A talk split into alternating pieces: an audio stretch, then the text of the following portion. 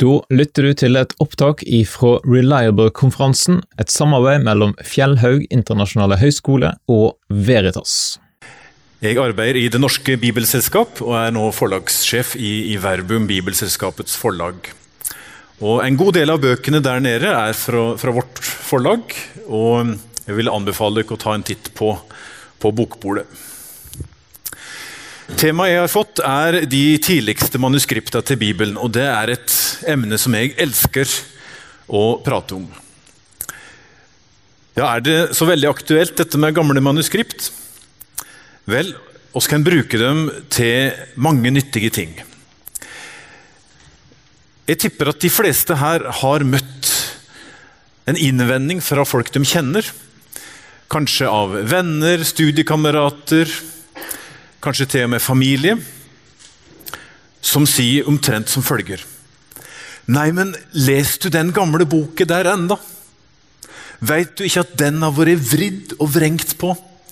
I talløse kirkemøter, forskjellige bibelomsetninger, gjennom så mange år at ingen lenger veit hva som sto der. Og Hvis du har møtt dette, så er dette her et seminar for deg. For hva skal en holde imot slike argument? For meg gjelder det da å komme så langt tilbake i historien som mulig, og finne så tidlige varianter av Bibelen som mulig. Og Det er det seminaret handler om. Og Det er eh, ei av bøkene jeg har skrevet om gamle manuskript. Det store puslespillet som er til salgs der nede i, i ny utgave i år. Jeg skal starte med spørsmålet om dokumentasjon. Mennesker i antikken hadde behov for å dokumentere det de opplevde. Det samme har oss i vår tid. Eh, I vår tid så er oss eksperter på å dokumentere. Og da vanligvis ved hjelp av nyere teknologi. Så hvis jeg nå skulle dokumentere at jeg var her i misjonssalen i dag, så burde jeg ta bilde av dere som er på seminar.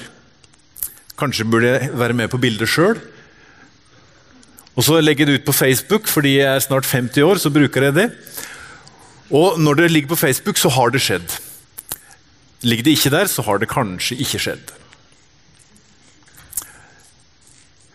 Av og til så sier folk hvis jeg fikk dokumentasjon for historien om Jesus, så ville jeg òg gjerne tro.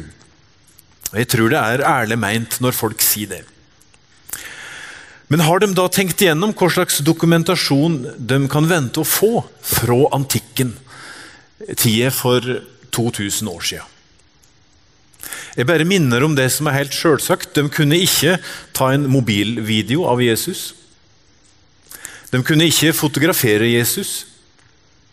De kunne ikke lage en eh, TV-dokumentarserie om Jesus, og de kunne heller ikke lage en nettside om Jesus. Så våre, Vår fremste teknologi for dokumentasjon hadde de ikke tilgang til. Så da er spørsmålet hva var deres tids fineste teknologi? Hva var det beste de hadde for å dokumentere det de hadde opplevd? Og Det gjelder ikke bare de kristne, det gjelder alle som lever i antikken. Det går som et spørsmål til salen. Hva skulle de gjøre for å dokumentere det de hadde opplevd i livet. F.eks. møtet med Jesus. Ja. De kunne skrive det ned, og det er så klart eh, svaret jeg er ute etter. Men kunne de gjort andre ting enn å skrive? Ja. De kunne gjenfortelle det muntlig, og det ble gjort i mange år. Og Kanskje er nedskriften da svaret på at øyevitnene begynner å dø ut, da begynner en å, å, skrive ned. Er det andre ting de kunne gjort enn å fortelle og, eh, og skrive? Ja. De kunne tegne.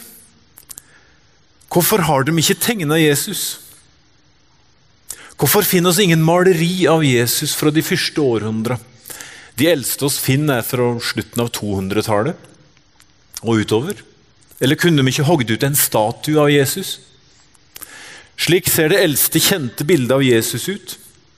En vondsinna karikatur fra en husvegg i Roma fra 200-tallet.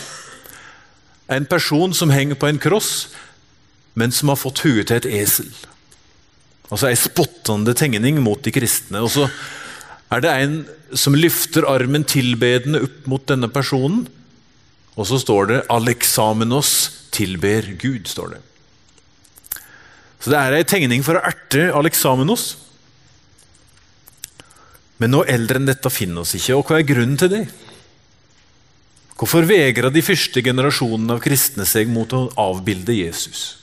Det opplagte svaret er jo det at eh, mange av dem var jøder til bakgrunn og kjente andre Mosebok 20. Du skal ikke lage deg et bilde av det som er oppe i himmelen eller det som er nede på jorda, og du skal ikke tilbe det. Så bildeforbudet er antagelig grunnen til at vi da ikke har tidlige avbildinger av Jesus. Og Derfor så er det altså skriftlig form som er antikkens fremste måte å dokumentere Jesus på, og andre ting. Dette er ikke et uh, bibeldokument eller bibelmanuskript, men jeg, jeg, tok det med for å vise at folk i antikken brukte skriftlig form til mange ting. Det var antagelig bare ca. 10% av befolkningen i Romerriket som kunne lese og skrive.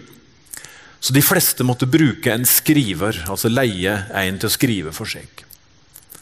Men de hadde mange dokument. De hadde hverdagsdokument som handlelister, um, hukselapper, private brev, kjøpskontrakter, skattelister og, som denne der, som er verdens første kjente sjølmelding eller selvangivelse. Det er en kvinne i Egypt i år 34 etter Kristus skriver hvor mange verdisaker og eiendeler familien har. Hvor han står også opp slavene til familien. Det må du huske å ta med neste gang du skriver sjølmelding. Eh, skildrer hvordan slavene ser ut med arr og kjennetegn og slik, så de skal kunne fanges og bringes tilbake hvis de rømmer. Men det viser skriftlig form er viktig i antikken. Og For nå at uh, oss skal klare å ta steget mentalt tilbake i tid, til antikken, så har jeg sett opp to ark ved sida av hverandre begge er fra Bibelen, begge er fra samme tekst. Det er evangeliet etter Johannes i Bibel 2011, som jeg sjøl var med å omsette. Og det er evangeliet etter Johannes i et manuskript som er kanskje 1800 år. Og Mitt spørsmål er hvordan ser du at det ene arket er eldre enn det andre? Hva er forskjellen? Det er noen helt opplagte ting. Eh, og ser at det arket er fra 2000-tallet, og det er eldre, i hvert fall. Hva er forskjellene? Fyr løs. Materialet er forskjellig. Dette her er eh, ikke papir. Ehm, la meg finne et ark og sende rundt. Det er antikkens store skrivemateriale, som heter papyrus. Et sterkt, flott papir laga av eh, stilken i papyrusplanta. Dette er materialet som pennen til Paulus skrapte mot. Det er framstilt på samme måte i dag som for 2000 år siden. Så det er papyrus. Bøker var på papyrus. Andre forskjeller? Ja. Her er trykte bokstaver, og dette er ja, Hvis de ikke er trygt, hva er de da? De er håndskrevet. Slik ser det ut. Og Jeg tviler på at den personen som satt og håndskrev dette eksemplaret av Johannesevangeliet, hadde aning om at dette skulle bli vist på storskjerm i Oslo 1800 år seinere. Når du nå ser nøye på skriftet, er det andre forskjeller du legger merke til? Det er dårlig med orddeling, altså. Her er det ikke mellomrom mellom ordet. Det er ikke for å spare plass, for de har jo rikelig med marger og slik. Det er en sammenhengende skrift som en brukte i antikken. Så den som skulle lese høyt, måtte øve og vite at en skulle dele i begynnelsen var Ordet, og Ordet var hos Gud. Starten på Johannesevangeliet, samme tekst som i din bibel. Andre forskjeller? Hva sa du? Kantene, ja. Her ser vi at det er et manuskript som er skada og har ligget lenge ute. eller et eller annet.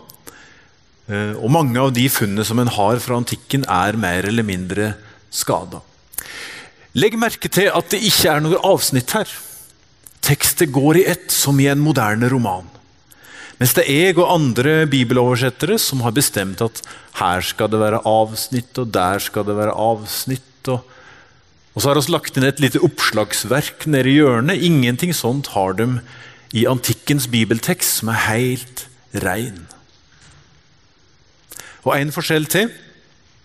Her er et tall i teksten. Det er ingen tall her. Kapitteltallet kom inn ca. 1200 etter Kristus, og versetall ca. eller nøyaktig 1551. Da kom første bok med det systemet ut.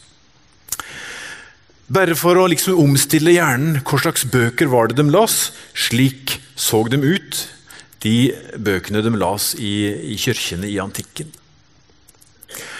Og Her er området der bøkene til de første kristne sprer seg. Og Kartet viser Romerriket ca. 300 etter Kristus, grensene for Romerriket. Og Skraverte områder viser hvor det var kristne. Rundt 300 var det ca. 10% kristne i Romerriket. Og Der det er en prikk, vet en at det var ei kristen kirke. Og Kartet kunne være utvida østover. Det var mange kristne i dagens Syria, Irak, Georgia, Armenia osv. Da ser vi at det er mange kristne i områder der Paulus virka, altså Israel, Syria, dagens Tyrkia, Hellas, Italia. Men langt oppover det europeiske fastlandet og helt opp på de britiske øyene er det kristne. Og Nord-Afrika er i store områder et kristent kontinent. Og Her er Nildalen med ei rekke av kirker langsmed elva Nilen. Jeg sa at eh, papyrus er et sterkt skrivemateriale. Det er én ting det ikke tåler. Hva tror du det er? Det tåler ikke vann. Da råtner det eller går i oppløsning. Så hvar på kartet ville du da forvente at bøkene til de første kristne, som er skrevet på papyrus, har overlevd til vår tid? i ørkenområder. Og Nærmere bestemt så skal vi holde oss i Nord-Afrika og veldig mye i Egypt nå. Det er der mesteparten av de virkelig gamle papyrusbøkene til de kristne er funnet. Ja, det var den. Eh, jeg har litt for mange hobbyer. Beklager at jeg plager dere med det, men tegning er en av dem. Denne tegningen skal vise et viktig poeng med bøker i antikken. Og Det er at det var dyrt å framstille bøker. Her har oss bevega oss noen år utover i tid.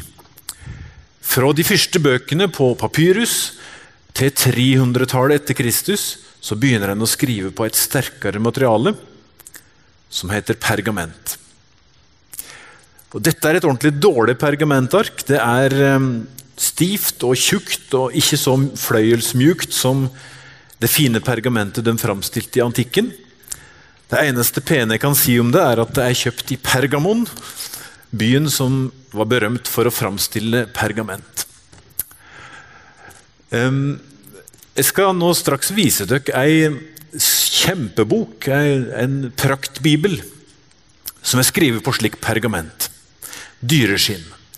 Med store ark. Den er fra 300-tallet etter Kristus. Arket er på omtrent 40 ganger 40 cm. For å skrive ei slik bok, bare Nytestamentet er på 300 sider med tekst. Altså 150 ark når du skriver på begge sider. Fra ei geit eller en sau eller en kalv fikk du to slike store ark. Altså fire sider med tekst. Så du måtte ha skinn fra 75 dyr for å skrive ett eksemplar av et Nytestamente. Skulle du skrive to, måtte du ha 150, osv. Og Dette var kostbart. I dagens eh, verdi på småfe så er det over 100 000 kroner. Skinnet til ei slik bok. Så I antikken er det ikke slik at kristne har hver sin bibel og de har den liggende på nattbordet hjemme. Det er dyre, sjeldne bøker, tidkrevende å framstille. og de leser dem bare når de samles, slik som her i misjonssalen i dag. At en kommer sammen, og én leser høyt fra det ene eksemplaret de har, og så lytter de andre. Hva sa du? Ruller, ja. Det, mange tenker jo at de første kristne brukte ruller. Og runer, ja. Ja, det er enda vanskeligere. Det, er, det blir nesten som en Twitter-melding å skrive runer. For det er Du må hogge inn i et hardt materiale og sånn. Ja. Vel, vel. Dette er ei, bok. Mange ser altså for seg at de kristne bruker ruller. Men de kristne er den første gruppa i Romerriket som gjør det teknologiske skiftet fra rull til bok. Først rundt år 300 så begynner det å bli vanlig i antikken å bruke bøker med sider til å bla i til, til, fine litterære verk. Alle bruker ruller fram til da. De kristne gjør det skiftet 200 år tidligere. Alt på 100-tallet ser en at de kristne bøkene er i bokform eller i kodeksform. Kodeks betyr bok. Det er nesten ingen kristne bøker som er i rullform. De har sider til å bla i. Og Denne boka er funnet eller oppdaga i et kloster ved foten av fjellet Sinai. Og Det var en forsker som het Konstantin von Tischendorf, som på 1800-tallet var den første som via livet sitt til å leite etter slike gamle bibelmanuskript. Jeg vet nå dessverre at han ikke så slik ut. Han var kort og kraftig. Men situasjonen som er skildra i tegninger, er kanskje historisk nok. Den står i hvert fall skildra i Tischendorfs egen dagbok. I 1844 oppsøkte Tischendorf det eldste klosteret han visste om, som er fra 500-tallet. Katarina-klosteret ved foten av Sinai-fjellet i dagens Egypt og fikk lov å komme inn og leite i klosterbiblioteket etter gamle manuskript. Men det var først da han kom ut fra klosterbiblioteket at han gjorde det funnet som fikk det til å gå kaldt nedover ryggen på ham. Han så ei korg full av gamle ark. Og han så straks at dette er gammel håndskrift. Fra 300-tallet, viste det seg. Den korget sto like ved en vedovn. Og Tischendorf tolka det slik at munkene nå hadde begynt å tenne opp i ovnen med gamle pergamentark fra biblioteket. Og Ifølge Tischendorfs egen beretning så er han da redningsmannen av dette manuskriptet, som heter Codex Sinaiticus. At han fikk munkene til å slutte å fyre med gamle manuskript. Og I 1859 så fikk han med seg hele manuskriptet ut fra klosteret. I dag er det i British Library. Munkene i Katarina-klosteret har en annen variant til denne historien. Ifølge dem så lurte Tischendorf forfedrene deres da han tok med seg eh, manuskriptet. Det er kanskje feil å bruke ordet forfedre når det er tale om munker, men altså dem som var i klosteret før. De sier at han har etterlatt seg et håndskrevet brev der han lover å levere manuskriptet tilbake. Så her er det to historier om Codex Sinaiticus. Men dette er uansett et nydelig manuskript. Et av de flotteste bøkene som er skapt. På tynt, fløyelsmjukt pergament. Tidfesta til midten av 300-tallet. Og dette er det eldste eksemplaret av et Nytestamentet som er helt komplett. Ingen ark som er borte, ingen hjørne som er revet av. Alt er det fra Matteus til Johannes' åpenbaring. Det gamle testamentet derimot er ikke komplett. Det starter i første krønikebok 9. Ifølge Tischendorf fordi det var der munkene slutta å fyre i ovnen. Det er en viktig bok. Slår du opp i Johannes evangeliet der, så vil du lese de samme tekstene, de samme fortellingene som står i din bibel. En bibel fra Romerriket midt på 300-tallet. Og Hvis mennesket kommer til deg og sier at nei, Bibelen kan jo være dikta opp i middelalderen en gang, så kan du si nei, men jeg har sett bilde av en bibel fra 300-tallet, så da var den i hvert fall skrevet. Her er en annen kodeks, altså ei stor eh, bok. Stor bibelbok. Dere har kanskje alt gjetta at den er oppbevart i Vatikanbiblioteket. Der har hun vært siden 1400-tallet. Igjen har jeg tatt med tekstet med Johannes evangeliet, kapittel 1, på gresk. I begynnelsen var Ordet, og Ordet var hos Gud, osv. Dette manuskriptet er like gammelt, kanskje enda litt eldre enn Codex Sinaiticus. Men det er ikke helt komplett. Det mangler noen ark bakerst som er godt tapt. Men det er kjent for å være et svært viktig eh, manuskript for bibeloversettere. Det har en tekst som en regner som veldig tidlig og opprinnelig. Disse to manuskriptene her har en da kjennskap til ved slutten av 1800-tallet. Da har Tischendorf fått granske Codex Sinaiticus. Han har granska Codex Vaticanus i Vatikanbiblioteket. Og da vet en slik er en bibel i Romerriket på 300-tallet. Men på Tischendorfs tid på 1800-tallet hadde en enda ingen funn som var tidligere enn dette. Ingen Nytestamentet, ingen evangelier eller brev som var håndskrevet før 300-tallet. Og Slikt blir det jo spekulasjoner av. Og En av de mest seigliva mytene lever enda i dag og har fått sin plass i Da Vinci-koden. Den eneste teologiske bok som nordmenn flest har lest. Da er det dumt at det meste som står der, er feil. Den kom som film i 2006, og det er enda nokså mange som husker Da Vinci-koden. Som spenningsroman er boken fantastisk god. Som historiebok er hun en god del dårligere. Bjørn Are Davidsen, en av forfatterne som har bok her, sier at hvis Dan Brown, forfatteren av Da Vinci-koden, påstår at noe er sant historisk, så kan du vanligvis gå ut fra at det ikke stemmer. Det er en roman, det er fiksjon. Men det er altså alt nordmenn flest har lest om kirkehistorie og teologi. Her er dette sitatet lagt i munnen på en av hovedpersonene i romanen. Konstantin.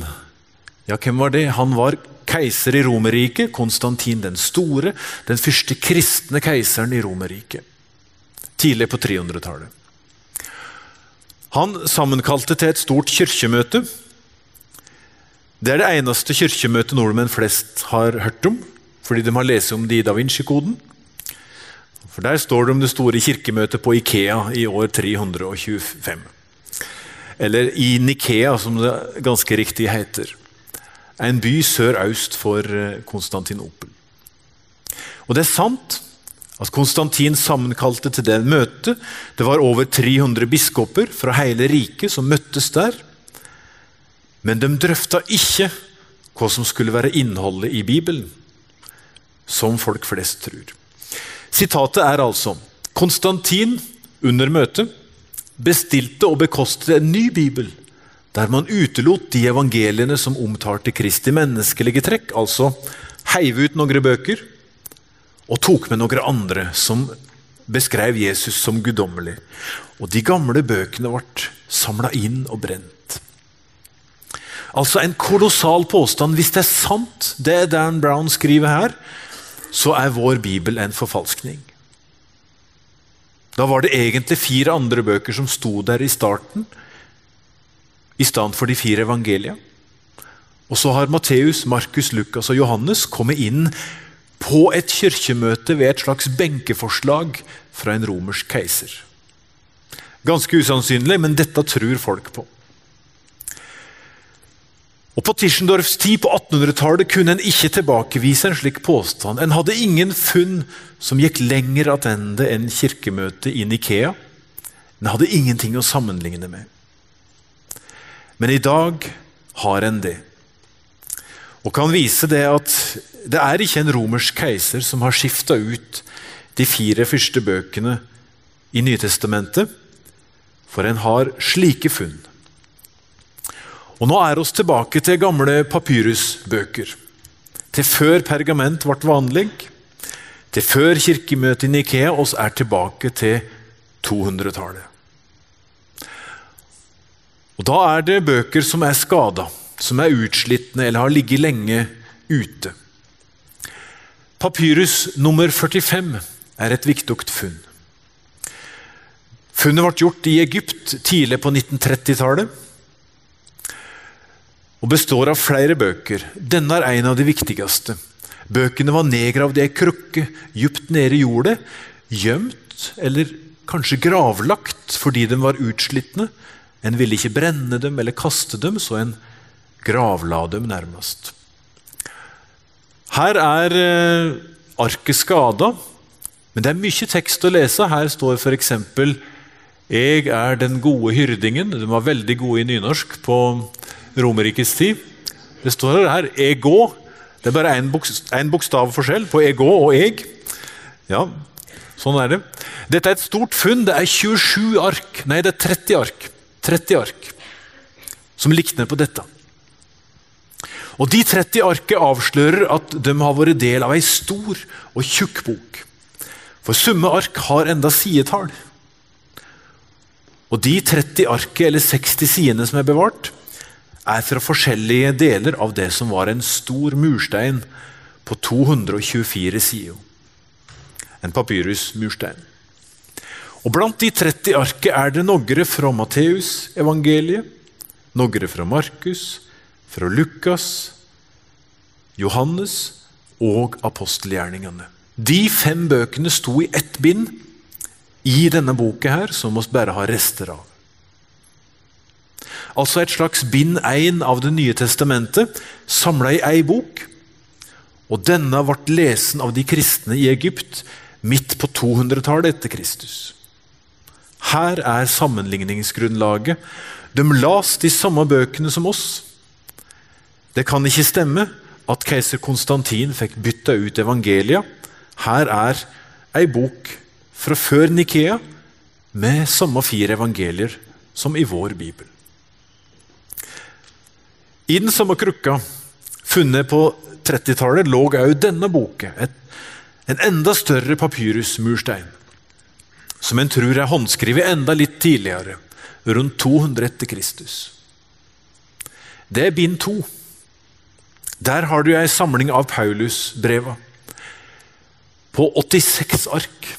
Et stort funn med det meste av Paulusbreva. 86 ark. Egyptiske bønder hadde på 30-tallet lært at eh, det er mer penger å tjene på tre manuskriptfunn enn ett når de skal selge dem til en samler. Så Denne boken ble revet i tre deler og havna i tre forskjellige museer i tre forskjellige land men stammer fra ei og samme bok. Rundt år 200 er det altså en kristen i Egypt som sitter og håndskriver ei samling av Paulusbreva. Her er Kolossebrevet. Ei samling som da har vært lese i kirker og klostre i Egypt. Her er det manuskriptet viste dere i starten, som å sammenligne med ei moderne bibelside. Dette er et annet svært viktig funn fra 1900-tallet. Dette er fra 1950-tallet. Papyrus 75 er også et svært viktig manuskript for bibeloversettere. En veldig presis og gammel og opprinnelig tekst. Her starter Johannes evangeliet, som jeg sa. Her slutter Lukas. De hadde overskrift til slutt i boka også, eller underskrift. Evangeliet etter Lukas, står det. Og det er ikke bare det arket. Dette manuskriptet består av 27 ark. Fra Lukasevangeliet og Johannesevangeliet, som sto i ett bind i ei stor bok. Ja, hvor ble det av Matteus og Markus i dette funnet, tenker du kanskje? Vel, de to egyptiske bøndene som gjorde dette funnet, disse bøkene var også nedgravd i ei krukke. Det ser ut til å være en skikk å gravlegge utslitne bøker på den måten for kristne i Egypt. I samme krukka lå det ei anna tjukk bok, innrømte de to bøndene i politiavhør. Men den tjukke papyrusboken hadde de bare knust til småknusk og brukt til å tenne opp i vasspipa si med. Da kan jeg nevne at eh, Det manuskriptet der ble eh, i 2007 kjøpt av en privat samler og donert til Vatikanbiblioteket. Prisen er ukjent, men et amerikansk museum som var med i budrunda og tapte, hadde inne et bud på 50 millioner dollar. Men vi kan være glad for at de ikke røkte opp alt sammen. Det kunne de ha gjort.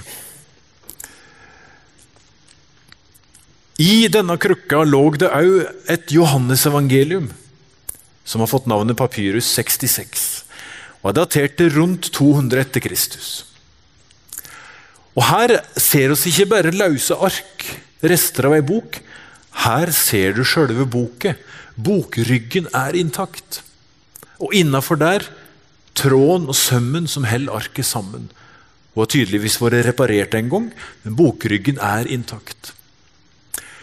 Et komplett Johannes-evangelium, bortsett fra en skade i hjørnet her, fram til kapittel 14, og så er 15 til 21 det likner mer på knust flatbrød.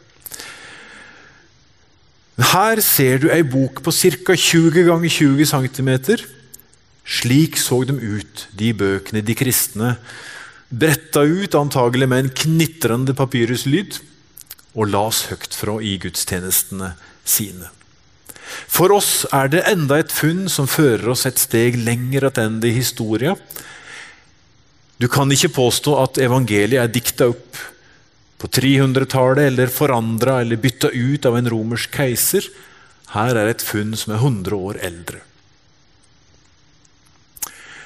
De to britiske forskerne som starta denne epoken med å leite etter gamle papyrusbøker Tischendorf fant jo bare pergamentbøker. Men de eldre papyrusbøkene det var det Bernard Grenfell og Arthur Hunt som eh, gjorde de første funnene av. I 1896 fikk de stipend fra Oxford. Da var de unge. Um, og hadde fått i oppdrag å grave ut en rar sandhaug i Egypt, som så spennende ut. Den byen de hadde havna i da, het Oxyrynkus i antikken. En ganske stor egyptisk by med ca. 20 000 innbyggere. Med et levende liv. Eh, kirker var det der, skattekontor, eh, mange offentlige bygninger. I 641 ble byen ødelagt under den arabiske invasjonen. Og Byen ble forlatt, og sandet kom drivende fra ørken og la et dekke over hele byen og over det lokale returpunktet for papyrus. De hadde antikkens største papyrusinnsamlingsplass i utkanten av byen. En stad der de kasta gamle, utslitne bøker. Og kanskje ble det en del ekstra kasta der da byen ble plyndra i 641. I hvert fall lå det en kjempedynge med gammel papyrus som sandet la et dekke over. Og Den lå urørt fra 641 til 1896, da Banner Grenfell og Arthur Hunt kom. Og Dette ble livsverket deres. De var i Egypt hver eneste sesong og grov videre og registrerte funn. Gamle papyrusark. Bernard Grenfell til han ble syk i 1920 og Arthur Hunt til sin død i, 18, i 1934. Så jobba de med dette. Og I Oxford ligger det lagra et ukjent tall med et papyrusmanuskript som de fant. En regner med at det er ca. en halv million.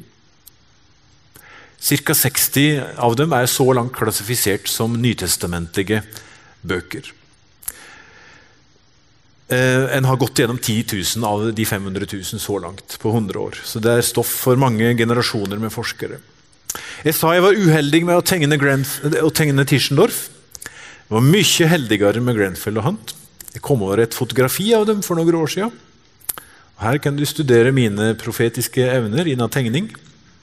Slik så de ut. Det er ganske likt, er det ikke det? Ikke dårlig. Jeg tar det en gang til. Ja. Og Slik så det ut i Oxyrynkus. Altså Oxyrynkus, Navnet på byen betyr 'fisk med spiss nase'. Den ligger på vestsida av Nilen. Den har navn etter en nilfisk. Ikke støvsugeren, men en fisk. Og Alt de fant der, er altså på lager i, i Oxford. Den siste delen av dette seminaret skal oss bruke Ok, jeg må ta den statistikken først. Alltid statistikken først. Forskere på gamle bøker fra antikken de er glad i å ha mange eksemplar å sammenligne. Og Vanligvis vil en forsker være fornøyd hvis han har ti eksemplar eller 20, eller til og med bare fem, av et antikt diktverk. For da kan en sammenlikne tekst i flere eksemplar og se at det er samme tekst, eller gjøre seg opp en mening om forskjellene hvis det er forskjellig skrivemåte eller forskjellig lengde på dem. Så det å ha 10 eller 20 manuskript er bra. Da har en et godt historisk grunnlag. Det nye testamentet er funnet i så latterlig mange eksemplar på gresk. Det nærmer seg 6000. Det betyr at forskerne på Det nye testamentet har en overflod av manuskript å forske på. Og Det betyr òg at skriftsamling i Det nye testamentet er breiere og bedre bevitna, rent ytre sett, enn noe annet verk fra antikken. Det nye testamentet er den ytre sett best bevitna skriftsamlingen fra antikken, med god margin. Det betyr at disse bøkene må ha vært populære og vært spredd i store tall over et stort område, og vært brukt og elska av så mange at en god del av dem har overlevd til vår tid. Her omtrent er reformasjonen og Gutenberg på 1400-tallet som finner opp boktrykkekunsten. Så ser dere det fantes noen konservative kloster som fortsatte å skrive for hånd i 100 år etterpå, på 1500-tallet, og tenkte det er et blaff dette med boktrykking, og fortsette å skrive for hånd.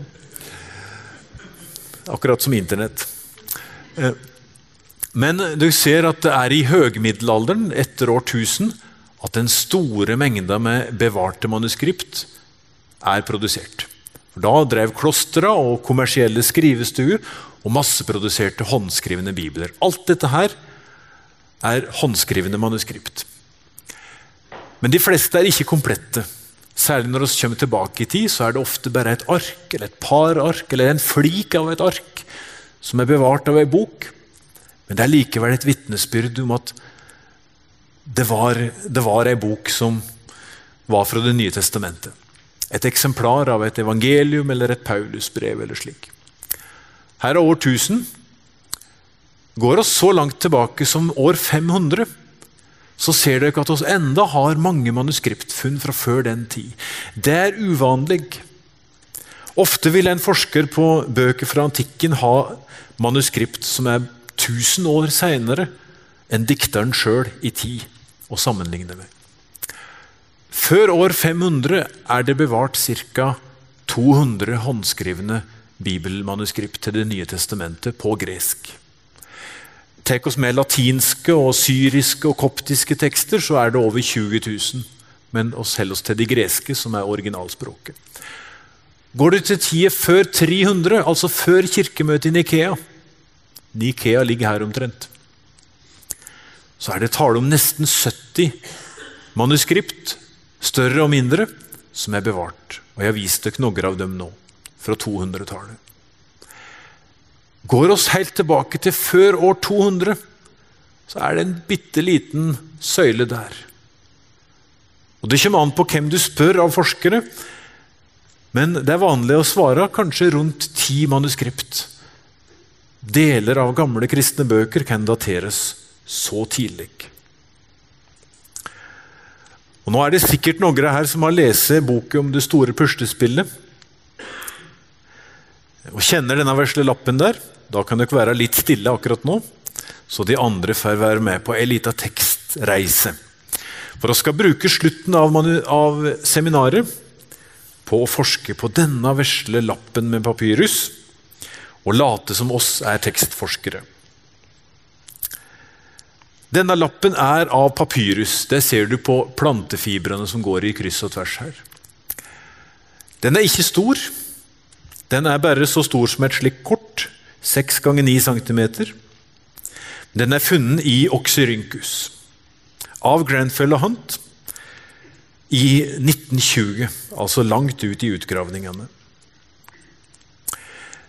Men ingen rakk å se på denne lappen. Den lå i en restekasse med papyrus som Arthur Hunt etterlot seg ved sin død i 1934.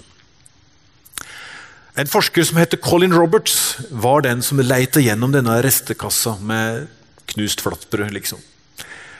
Og stanse ved denne lappen. Han så at det var greske bokstaver som så gamle ut. Men hva var det som sto der? Det var skrift på både fram- og bakside. Altså visste han at det var ei kristen bok fra en, en kodeks. En rull jeg skriver bare på innsida. Colin Roberts så straks hva som sto på lappen. Det ser kanskje du òg. Du kjenner jo noen bokstaver på gresk. Her har du pi, f.eks. Den greske p-en. Men for å hjelpe dere har jeg eh, laga en norsk versjon av lappen. Dette representerer nokså nøyaktig det Colin Roberts så på papyruslappen han hadde funnet. Nå kan du ta ett minutt og prate med Siman Klarer du å gjenkjenne tekstet som står her? Du ser at det er bare store bokstaver.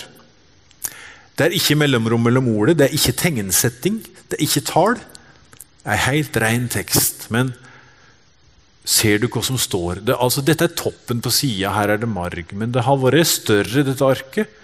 Så det er bare en liten flik. Prat med Simon. Det er ikke så lett å vite hvor et ord starter og hvor det slutter når det ikke er mellomrom. Det er også summe ord som kanskje starter utafor arket, og som du bare ser starten eller slutten på.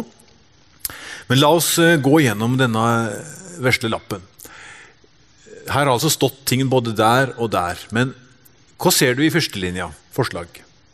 Jødene svarte. Det er riktig. Men Utfordringen er jo at du ikke vet om du skal dele før eller etter S-en. Men for å få det neste ordet til å gi mening, så passer det med en A der. Jødene svarte. Og så går det ut fra at det var en J der. Jødene svarte. Så det er en eller annen diskusjon, en dialog med jødene som pågår her. Det er første spor. Så er teksten borte på den delen av arket, og så fortsetter hun her. Hva står det her, da?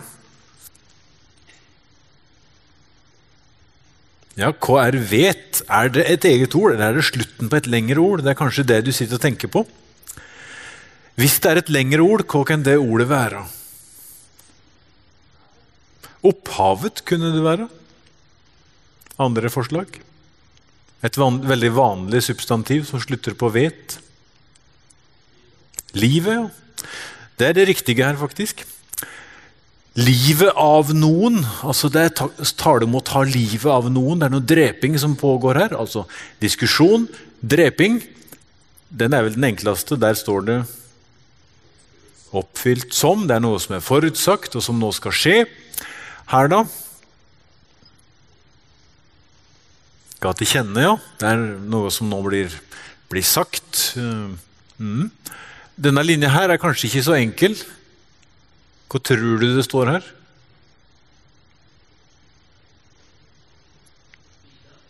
Lider, ja. Det kan være lide eller lider. Det som kan være en P eller en R, det står akkurat slik på gresk òg. En halv bokstav der. Bokstaven P. Og Det er starten på et navn i denne delen av evangeliet, for det er et evangelium. Et navn på P. Det er et spor. Og Så er det lide, og så er det le. Og Det kan være slutten på et lengre ord. F.eks. skulle lide, ja. Altså en diskusjon med jødene. Det taler om noe dreping noe som er, skal bli oppfylt, bli kunngjort, skulle lide. Navn på P, og det kan være Peter eller Det kan være Pilatus. ja. Tror dere nå at vi er i starten, midten eller slutten av et evangelium? Slutten, ja. Godt tips. Jeg viste fram denne, dette arket der på en folkehøgskole i Alta. Og Der gikk det 30 sekunder maks før to elever visste svaret nøyaktig hvor denne teksten er fra, med henvisning og alt sammen. Den er fra Johannes kapittel 18, vers 31-33. Og Den ene av disse elevene tror jeg visste det pga. kjempegod bibelkunnskap. Og Den andre tror jeg visste det pga. en kjempegod telefon. For han hadde vært inne på bibelen.no, bibelsida til oss i, i, Bibelselskapet, og søkt opp, og der kom riktig tekst opp.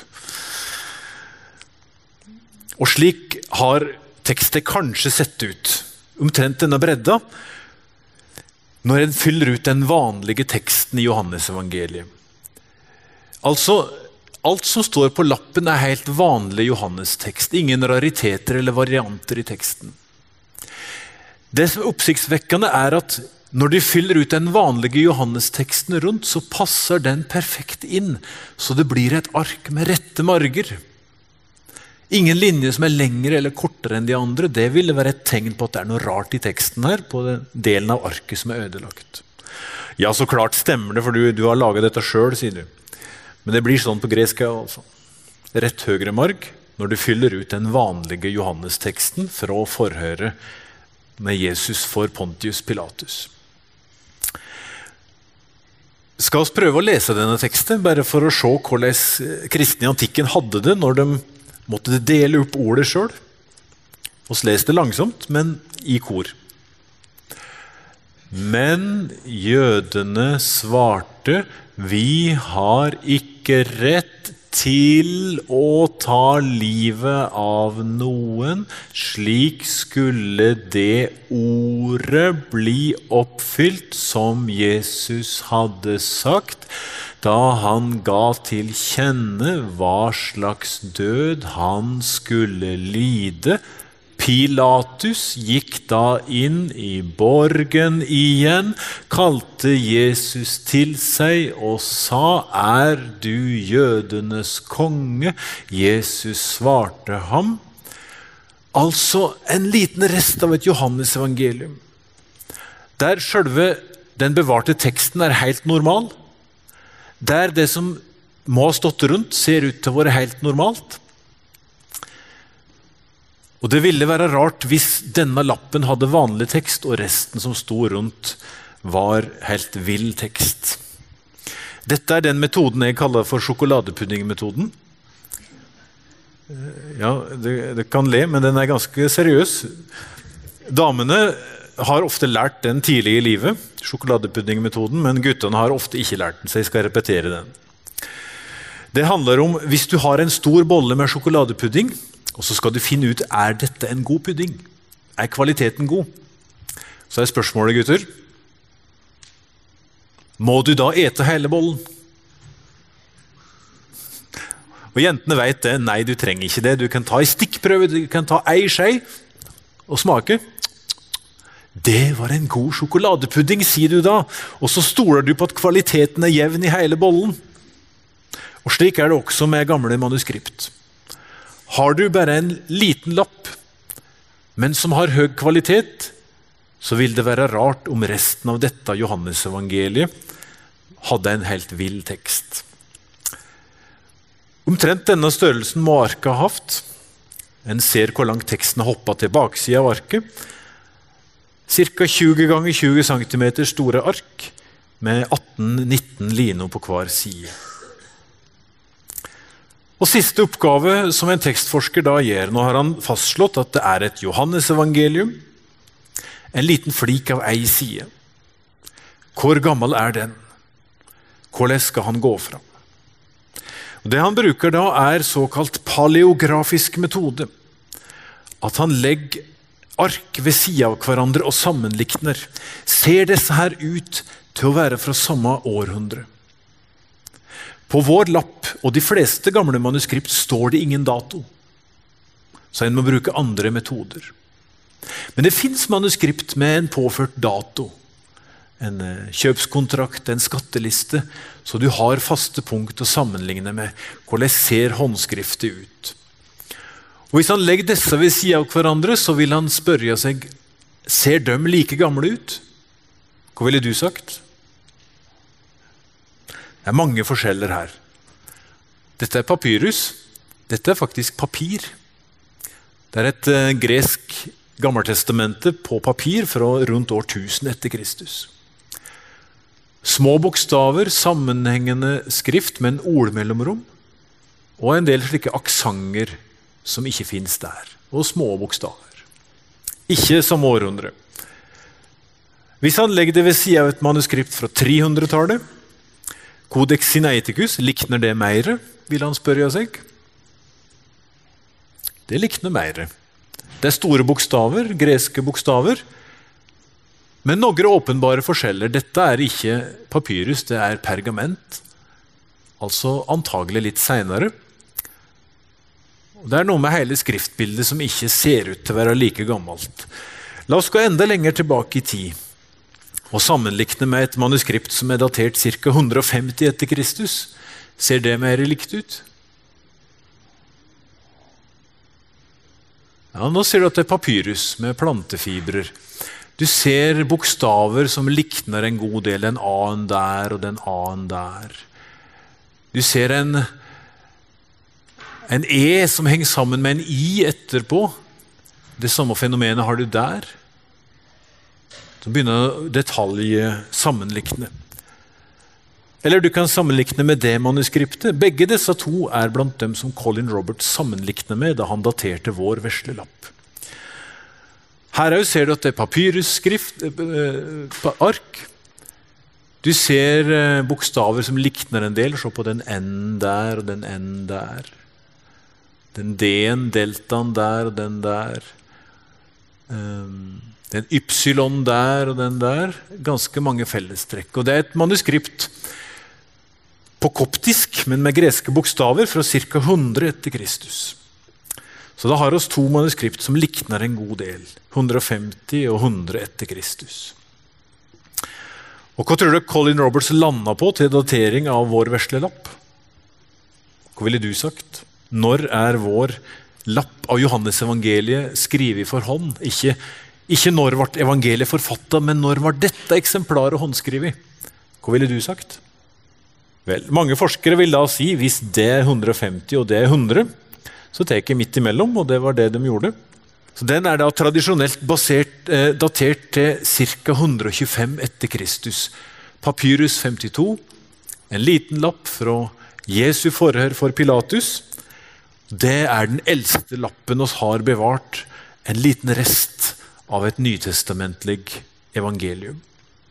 Det var den opprinnelige dateringen. I dag vil somme forskere si at slingringsmonnet kan være ganske stort. Det kan være så tidlig som 100 etter Kristus.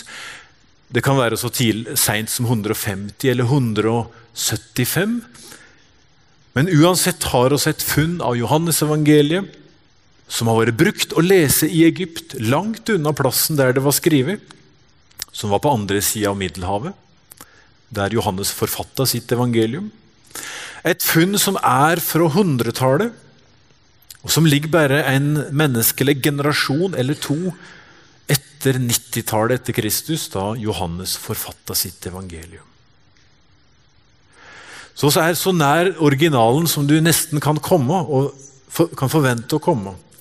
Og teksten er ikke spinnvill, det er den samme tekst som i din bibel i dag. Ingen varianter. Det er det disse gamle funnene betyr. At oss kan feste evangelia i Det nye testamentet så tidlig i historien som de faktisk gjev seg ut for å være skrevet. Evangelia kan ikke være skifta ut av en keiser på 300-tallet. Vi finner dem i kristne bøker helt tilbake på 100-tallet. De kan ikke være dikta opp i middelalderen av en munk med god fantasi. De er i bruk så tidlig i historien som oss klarer å se tilbake.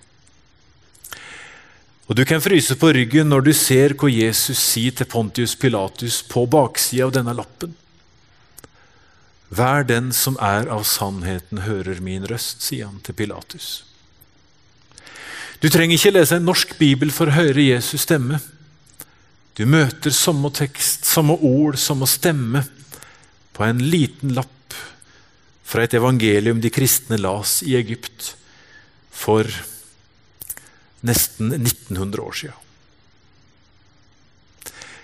Det beviser ikke at de kristne hadde rett, at Jesus har stått opp fra de døde og er Guds sønn, men det beviser at bøkene som påstår dette, er så gamle som de gir seg ut for å være. Du kan ikke si at de er forfalskninger. De er alvorlig meint, og de er et tegn for vår tid. Det var det jeg hadde tenkt å si til dere i dag. Takk for at dere hørte på.